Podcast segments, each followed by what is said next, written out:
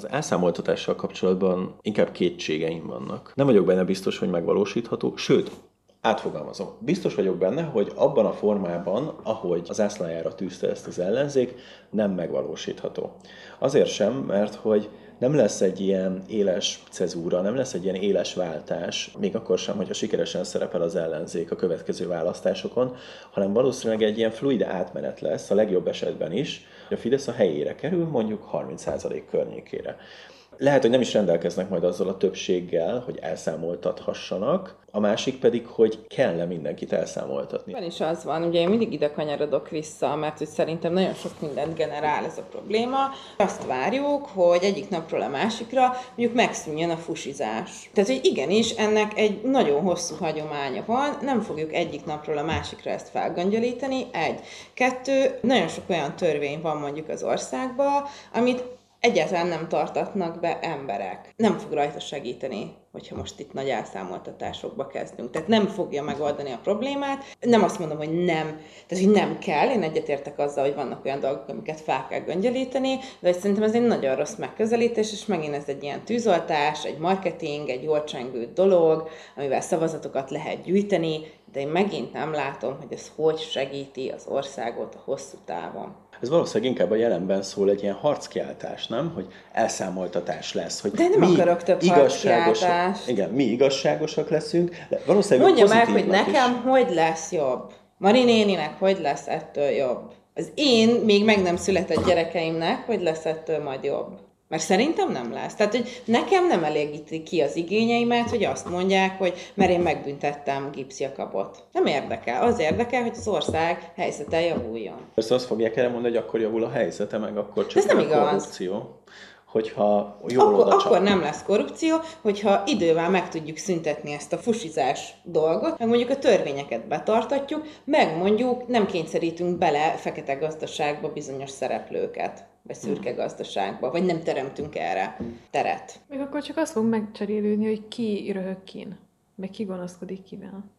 Szóval csak folytatódik a hagyomány. Aki felülkerekedik, baszogatja a másikat, vagy aki igen. felülkerekedik, az megbünteti a, a másikat. Igen, ez egy, ez egy, igen, mert hogy mondom, tehát ebben semmilyen hosszú távú logika nincs. Igen, és akkor ez megint csak az van, hogy aki a nyertesekkel van, az kárőrben Megint az van, tehát ugy, ugyanazt, és semmilyen előremutatás mondom, ebben, számomra ebben nincsen. Ez is egyfajta rendpártiság, ilyen büntetés. Abszolút, abszolút, de úgy, tehát hogy nekem ugye ez a problémám, tehát megint úgy akarunk büntetni, hogy mellette nem teremtünk teret ahhoz, hogy egy másik, egy jobb irányvonal, egy, egy, egy olyan irányvonal mellett tudjon menni, ahol mondjuk nem kényszerülnek az emberek ilyen helyzetben. Szóval beszélhetnénk arról, hogy hogyan alakítjuk át a gazdaságot, meg hogyan alakítjuk át ezeket a keretrendszereket, hogy kevésbé legyen rá lehetőség, és Így ne is van. érje meg. Most ez is egy olyan, nem tudom, csak mondok egy példát, tehát hogyha ha mondjuk nettó 100 ezer forintot kell beosztanod, biztos vagyok benne, hogy az életösztön nagyobb lesz,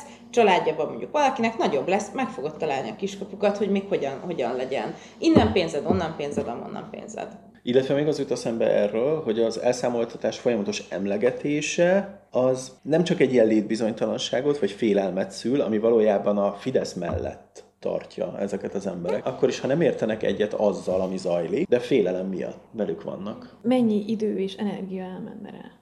Ahelyett, hogy mással foglalkozzunk. Meg az is végül is egy csomó pénz. Akkor csak az van, hogy jaj, akkor most azon dolgozunk, hogy ezeket jól megbüntessük. Pár évet biztos el lehet ezen szörfözni, hogy mi most jól büntetünk, jól büntetünk, de akkor megint egyen lépjünk vissza, és akkor nézzük hiperracionálisan, tehát a legnagyobb siker is maximum az 51 százalék, ha nem jön valami nagy változás időközben. Szóval annyira valószínűtlen, hogy egyáltalán olyan helyzetbe kerüljenek, és lehet, hogy ezt ők tudják is. Az ellenzék valószínűleg tisztában van ennek a racionális lehetőségével, illetve hogy lehet, szinte lehetetlen, hogy ezt elérjék, de mégis az ászlajára tűzi az elszámoltatás. Igen, mert az, tehát, hogy, hogy én ezt egy, egy hatásvadász dolognak gondolom. És szerintem ez egy nagyon veszélyes dolog, amit csinálnak az ellenzéki oldalon, hogy állandóan ilyen hatásvadász jelmondatokkal, meg felkiáltásokkal jönnek elő, és ezáltal igenis az egész politikai létet és, és vonalat bent tartják ebbe a kis mederbe,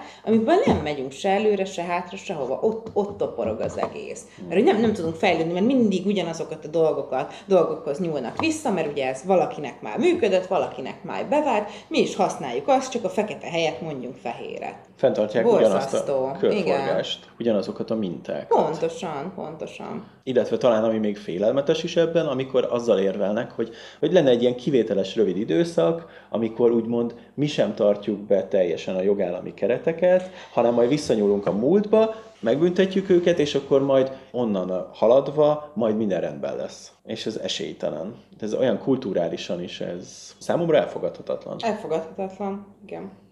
Ha ilyen árnyalt kommunikáció lenne, és azt mondanák, hogy utána néznek mondjuk a top 5 oligarchának, vagy természetesen megnézik, hogy milyen közpénzek, hova, mekkora, milyen mértékben, de azt gondolom, hogy oda is kéne valami okosabb megoldás, kellene valami, tehát nem csak a kicsiknek, lehet, hogy a közepeseknek és a nagyoknak is valami kiutat, valami egérutat kellene kínálni.